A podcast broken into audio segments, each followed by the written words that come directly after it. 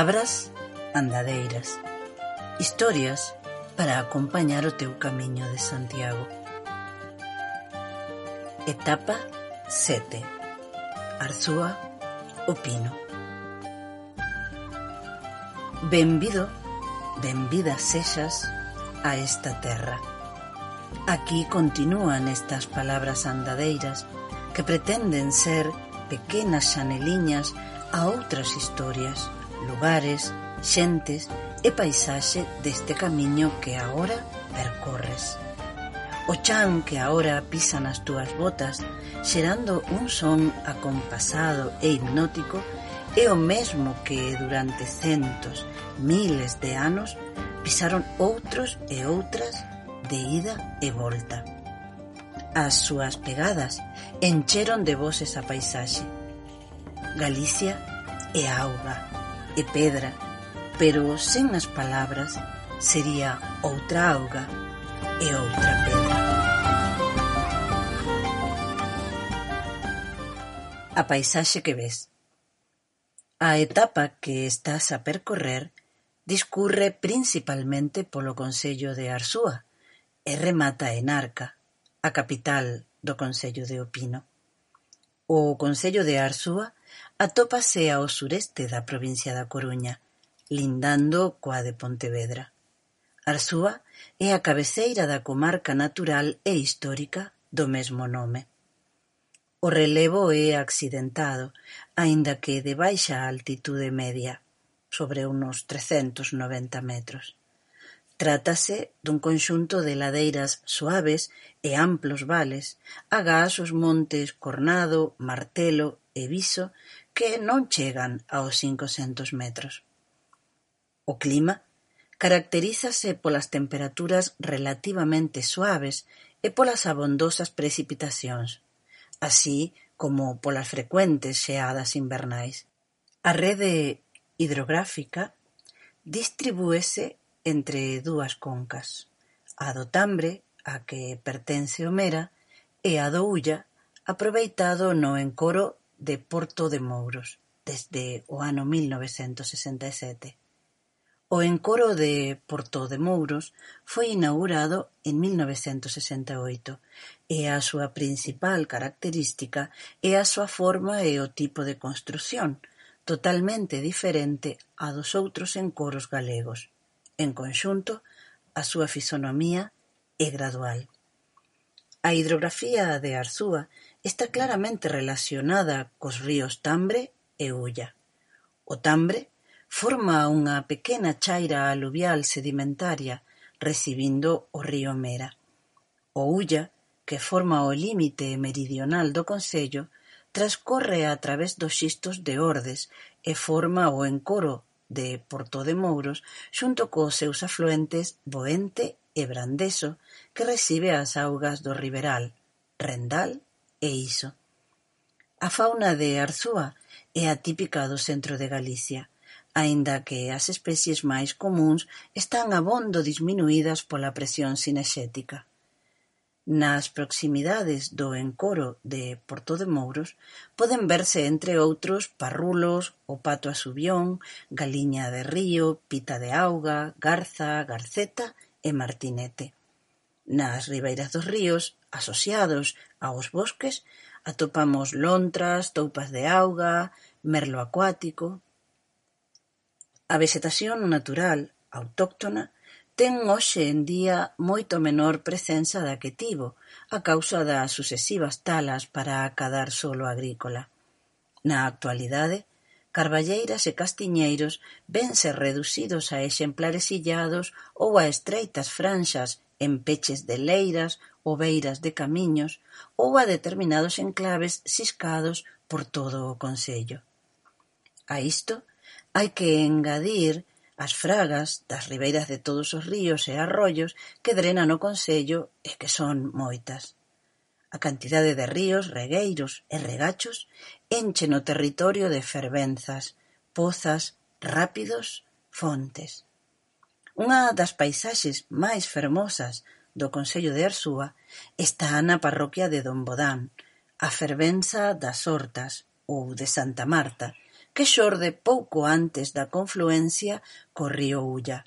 Fai de fronteira natural entre os concellos de Arzúa e Touro e consta de dúas caídas duns trinta metros.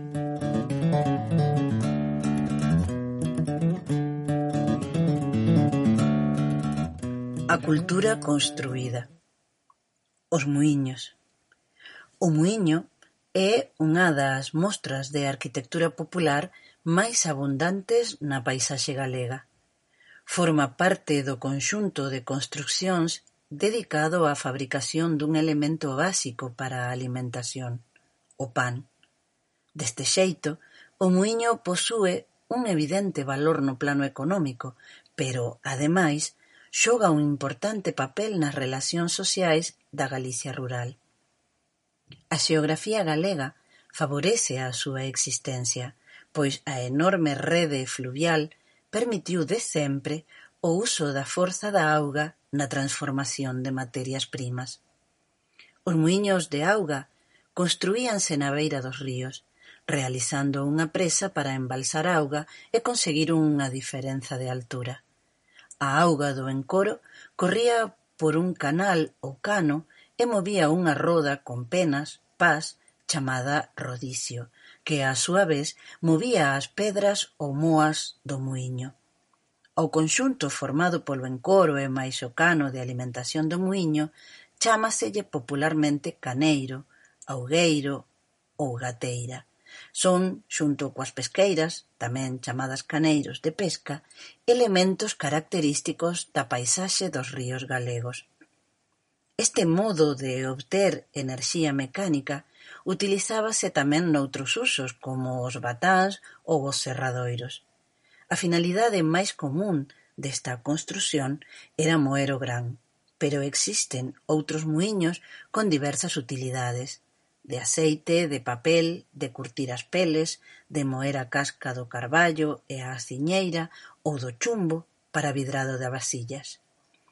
Segundo a propiedade e uso, os muíños poden ser de maquía ou maquieiros, o muiñeiro recibe da persoa que leva o gran unha parte, a maquía, da fariña resultante, como cobro polo seu traballo. O tamaño da maquía era un neto, cantidade regulada polo Consello. O muíño pode ser tamén de herdeiros ou a parceiros. A propiedade do muíño é compartida e transmítese por herdanza. As quendas de uso regulábanse por un tempo determinado. Por tanto, o muíño converteuse nun centro privilexiado para as relacións sociais da parroquia e foi unha inesgotable fonte de inspiración para cantigas, ditos e contos. A xente ía ao muíño co froito da súa colleita e, mentres duraba a moenda, dedicábase á conversa e á troula, o que se coñece co nome de muiñadas. Xeralmente, celebrábanse pola noite e a elas acudía sobre todo a mocidade. As muiñadas, como as fiadas, Os velorios, as pitanzas e as cofrarías estiveron sempre profundamente arraigadas na cultura popular galega, pero mal vistas polo clero que as consideraba causas de desordes morais e pecado, chegando a calificalas de xuntanzas infernais. Por tal idea, impuxeron medidas represivas e castigos contra delas, non tanto non conseguiron que se deixasen de celebrar. Na danza e na música tradicional temos o reflexo do muiño na muiñeira, pero hai tamén moitos ditos e refráns que aluden ao propio muiño. Contos populares ou cantigas tamén o teñen en ocasións como protagonista. A intensa actividade arredor do muíño quedou así reflectida en moitas das manifestacións da nosa cultura.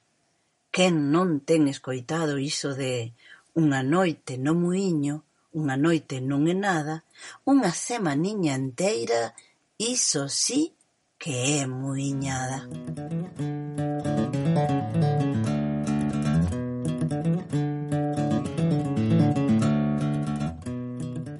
Palabra de autor. Ramón María del Valle Inclán y de la Peña naceu en Vilanova de Arousa –ou na Pobra do Caramiñal– o vinte e oito de outubro de mil oitocentos sesenta e finou en Santiago de Compostela o 5 de xaneiro de mil novecentos trinta e seis. Como ben sabedes, foi un dramaturgo, poeta e novelista galego en lingua castelá. Membro da xeración do noventa e oito, é considerado un dos autores máis importantes da literatura hispanoamericana do século vinte. Se callar descoñecedes que estades ben perto dun lugar moi importante na obra de don Ramón. Neste sitio, o dramaturgo ubicou a historia de amor do protagonista da súa obra modernista máis importante, as sonatas. Falo do pazo de Brandeso, lugar de retiro frecuente de Valle Inclán onde pasou longas tempadas por mor da amizade que tiña coa familia Gasset, propietarios daquela non só deste paso, senón tamén da Torre das Xunqueiras na Pobra do Caramiñal. Seguramente, a eufonía de Brandeso fixo que Valle ambientase a obra neste lugar que tan ben coñecía preciosista como era, os salóns, xardíns e lugares acabaron por convertirse nos escenarios idóneos para a súa creación literaria. Só mudou a advocación real do Pazo, de San Lorenzo a San Clemente, vai ti a saber por que oculta razón. A primeira das sonatas, que son catro, aparece no ano 1902 Chámase otoño; logo, en anos sucesivos, nacen a de verano, ambientada en México, primavera, en Italia, e invierno, en Navarra. Nas sonatas, Valle-Inclán conta os amores do marqués de Bradomín, considerado o alter ego do autor. Na sonata de Otoño, a que está ambientada no pazo de Brandeso conta os amores coa pobre Concha. Cara ao Pazo vai o protagonista para encontrarse cunha muller coa que tivo unha relación amorosa. Ela está a morrer e segue enamorada do marqués.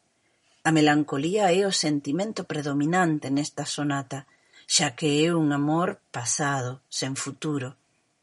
Comeza a obra citando unha carta de Concha, unha carta que perdeu hai tempo E mentras lembra as palabras alí escritas, describe con idealismo os momentos vividos naqueles lugares, lugares todos da parroquia de Brandeso, en Arzúa. Segundo a Asociación de Amigos de Valle Inclán, a comarca non só aparece nesta sonata, senón en moitas obras máis, xa que atopan coincidencias en linaxes e a utilización da toponimia do lugar. Escoitemos o comezo da sonata na voz do grande actor, narrador e director Kiko Cadaval. Mi amor adorado, estoy muriéndome y solo deseo verte. Ay, aquella carta de la pobre Concha se me extravió hace mucho tiempo. Era llena de afán y de tristeza, perfumada de violetas y de un antiguo amor. Sin concluir de leerla la besé. Hacía cerca de dos años que no me escribía y ahora me llamaba a su lado con súplicas dolorosas y ardientes. Los tres pliegos blasonados traían la huella de sus lágrimas y la conservaron largo tiempo. La pobre Concha se moría retirada en el viejo palacio de Brandeso y me llamaba suspirando. Aquellas manos pálidas, olorosas, ideales, las manos que yo había amado tanto, volvían a escribirme como otras veces. Sentí que los ojos se me llenaban de lágrimas. Yo siempre había esperado en la resurrección de nuestros amores, era una esperanza indecisa y nostálgica que llenaba mi vida con un aroma de fe. Era la quimera del porvenir, la dulce quimera dormida en el fondo de los lagos azules, donde se reflejan las estrellas del destino. Triste destino el de los dos. El viejo rosal de nuestros amores volvía a florecer para deshojarse piadoso sobre una sepultura. La pobre concha se moría.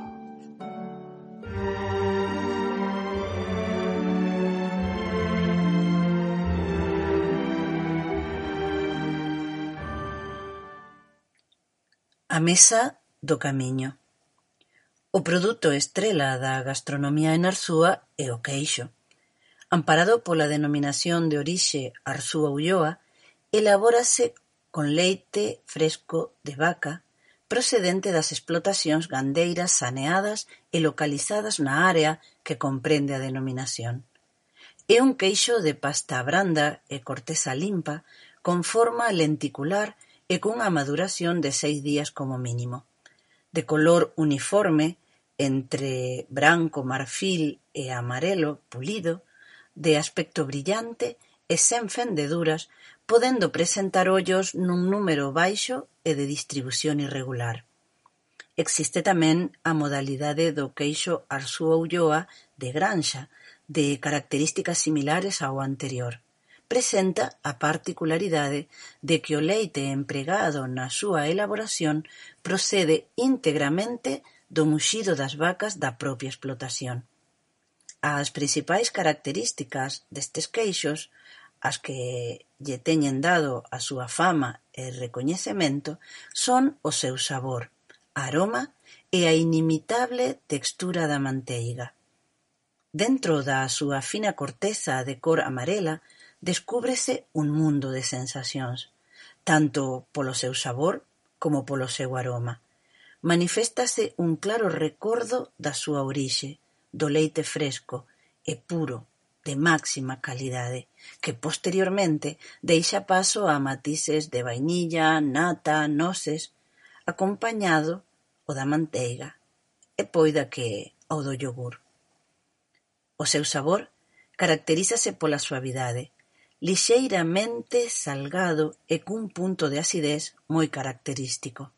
A masa lisa e levemente húmida ao tacto, parece fundirse na nosa boca pola facilidade coa que se disolve. Existe tamén unha terceira modalidade do queixo arzúa-ulloa e o curado. Trátase dunha variedade pouco coñecida, dada a súa escasa presenza nos mercados e o seu elevado custo de elaboración. Comparte coas outras dúas modalidades a forma lenticular pero as súas características son moi diferentes e inconfundibles: dureza, cun corte difícil, podendo presentar fractura por fendedelas, principalmente nos bordos. O aroma é moi intenso e de certo picor cunha acidez media ou baixa. Deste xeito, o queixo convértese no ingrediente estrela da cociña enarsúa. O seu uso e versatilidade dá lugar a exquisitos pratos que acompañan excelentes carnes e produtos da horta de extraordinaria calidade da nosa terra.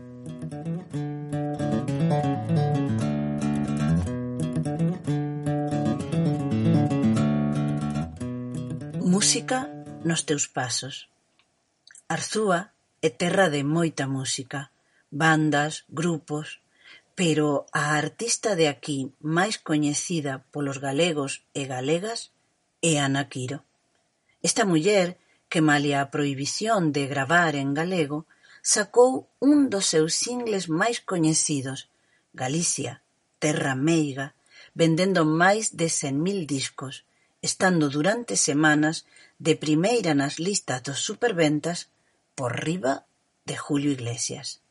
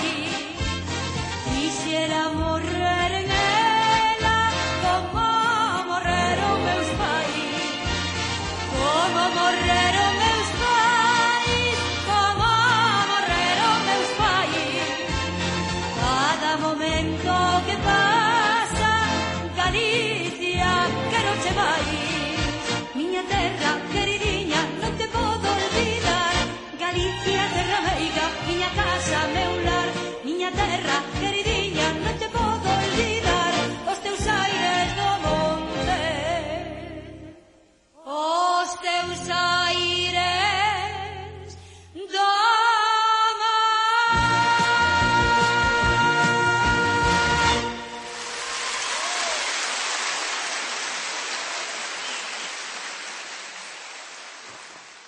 As lendas ocultas.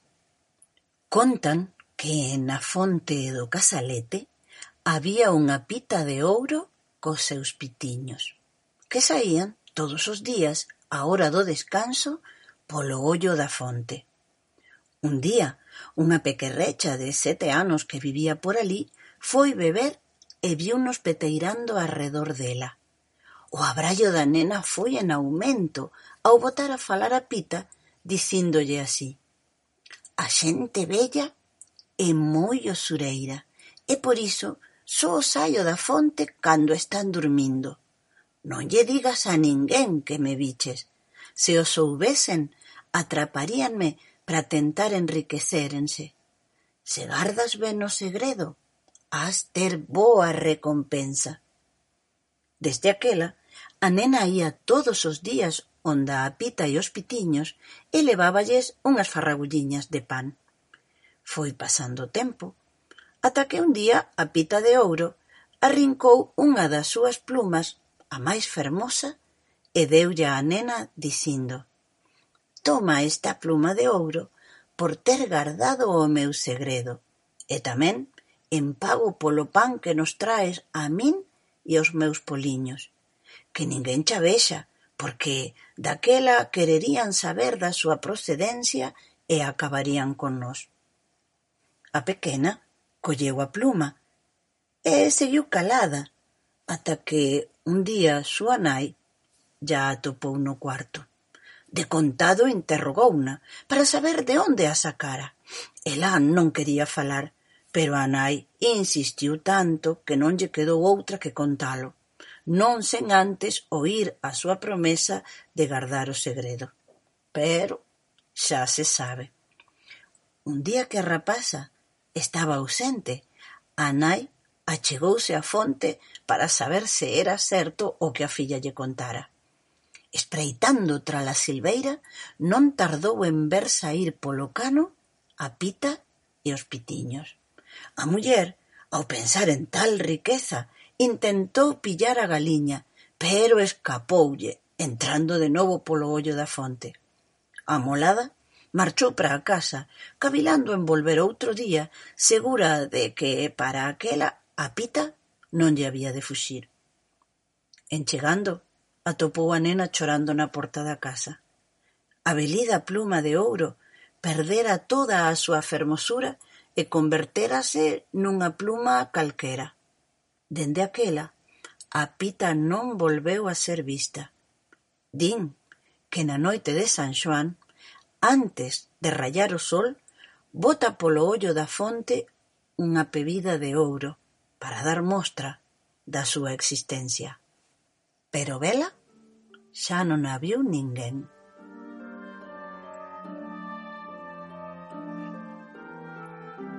Lenda de San Xoán de Navas Hai unha tradición moi viva na parroquia de Pantiñobre que pon a orixe deste santuario en 1804. Foi construído por orde dunha pastora de Bustelo que perdera o seu rabaño de ovellas no medio dunha grande treboada de lóstregos e saraiva. Daquela, fixo a promesa de que se atopaba as ovellas levantaría unha capela na honra de San Xoán Bautista atopado o rabaño, mandou construír a capela no lugar onde aparecera.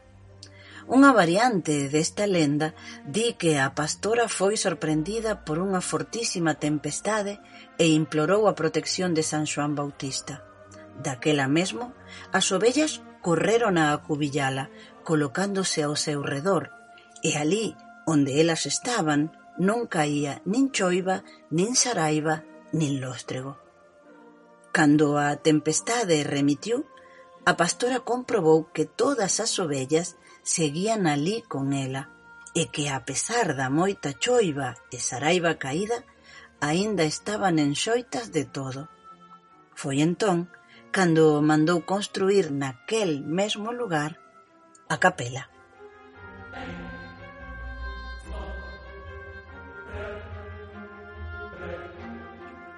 fervenza das hortas. Algúns veciños tamén a coñecen como a fervenza de Santa Marta, por unha lenda que ten asociada. E por que de Santa Marta? Pois dis que hai moito tempo unha rapaza adoitaba ir facer a moenda ao muiño da zona e quedou embarazada do seu mozo.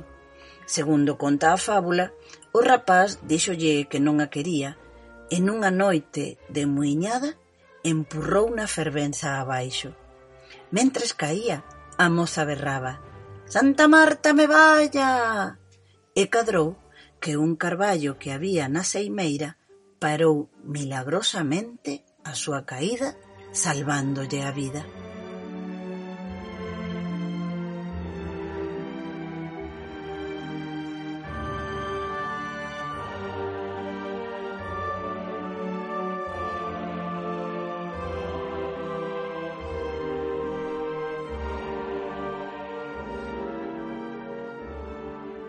O patrimonio está aquí.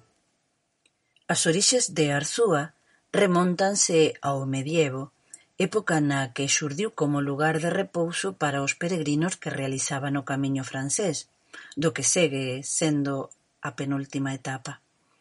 A importancia da localidade na ruta xacobea ven referendada ademais por ser punto de confluencia do camiño francés, o primitivo e o do norte.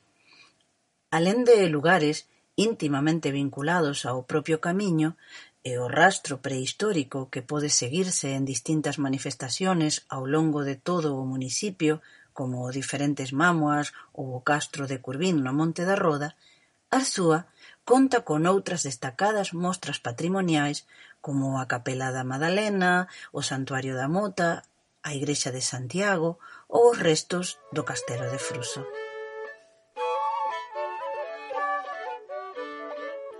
Castelo de Fruso. É unha fortaleza militar transformada en pazo, sufriu varias reformas nas que perdeu a metade da súa estrutura, capela incluída. A Xunta de Galicia teno declarado como Ben de Interese Cultural.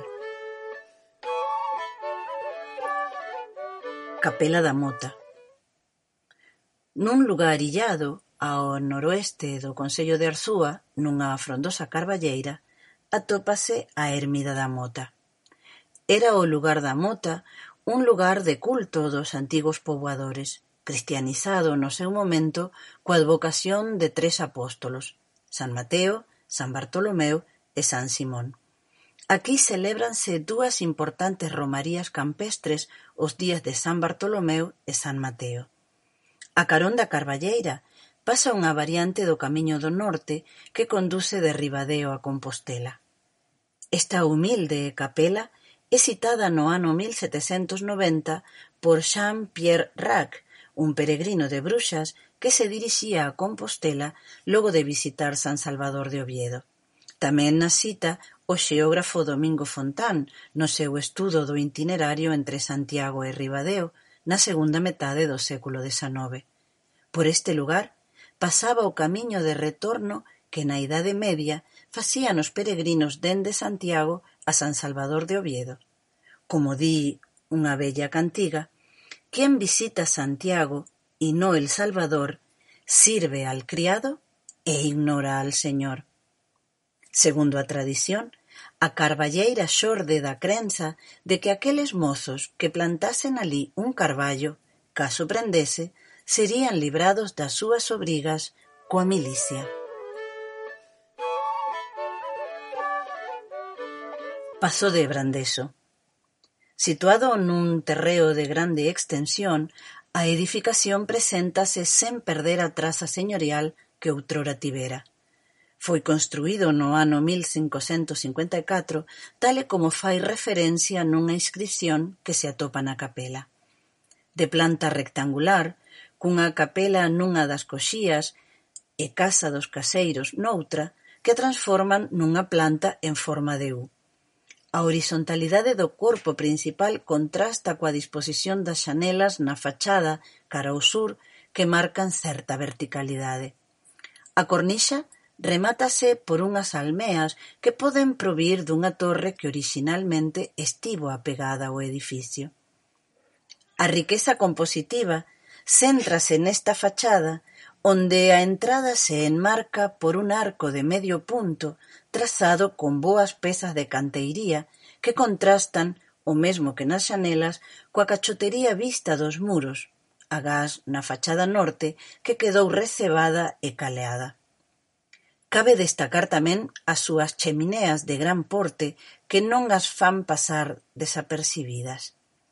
Dous brasón coróana cornixa sobre a entrada principal, nos que podemos atopar as linaxes dos Aguiar, unha aguia coroada que voa, os Montero, unha árbore cun can atado e unhas chaves aos seus pés, e os Mosquera, cinco cabezas de lobo, ademais de dúas datas, 1620 unha ampliación do pazo, e 1908 unha importante reforma onde posiblemente desapareceu a torre.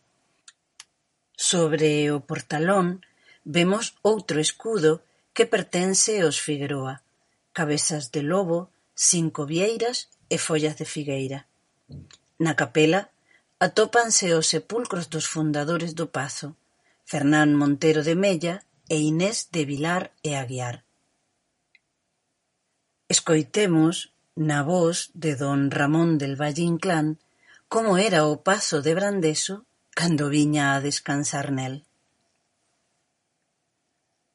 Recordaba vagamente el palacio de Brandeso donde había estado de niño con mi madre y su antiguo jardín y su laberinto que me asustaba y me atraía. Al cabo de los años volvía llamado por aquella niña con quien había jugado tantas veces en el viejo jardín sin flores. Sol poniente dejaba un reflejo dorado en el verde sombrío, casi negro, de los árboles venerables los cedros y los cipreses que contaban la edad del palacio. El jardín tenía una puerta de arco y labrados en piedra sobre la cornisa cuatro escudos con las armas, con las armas de cuatro linajes diferentes, los linajes del fundador, noble por todos sus abuelos.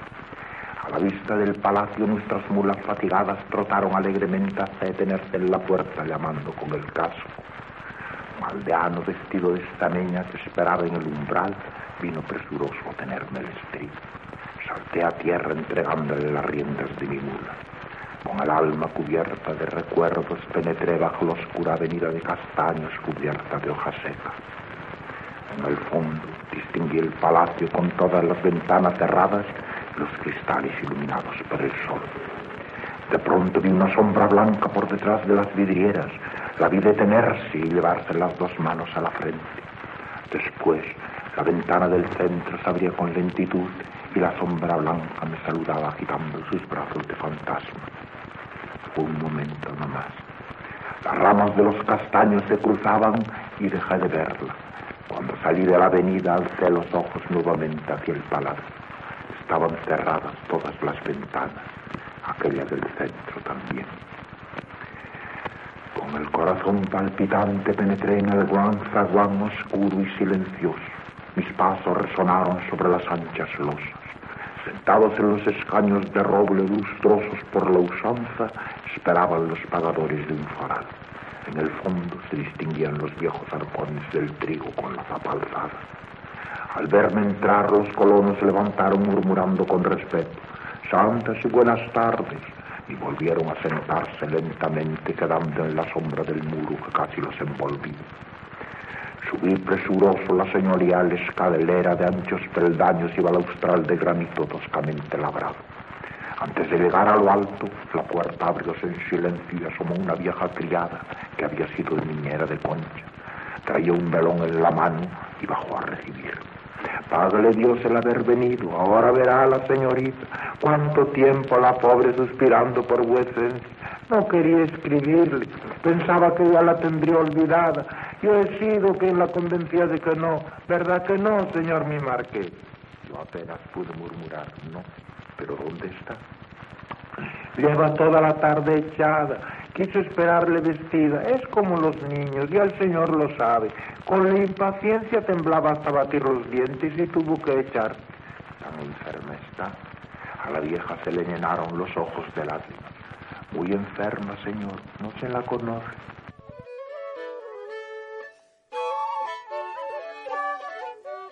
San Cristóbo de Dormeá Na parroquia de Dormeá consérvase a pequena igrexa de San Cristóbo, sinxelo templo románico do século XII que pertenceu a un conxunto monástico.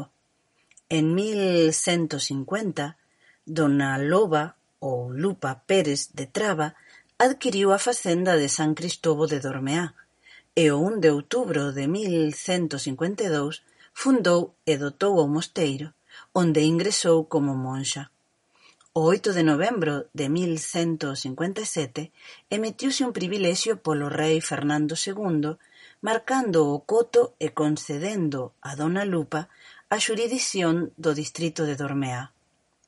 Preto dun século despois, o trovador Fernán Páez de Talamancos cita máis dunha vez nas súas cantigas satíricas o cenobio e a entón abadesa, a súa coirmá e amiga dona Lupa. Foi filla de Pedro Froilás, conde de Traba, e da súa primeira esposa, Urraca. Titores e Allos, a súa vez, do neno Alonso, que había de ser o rei don Alfonso VII.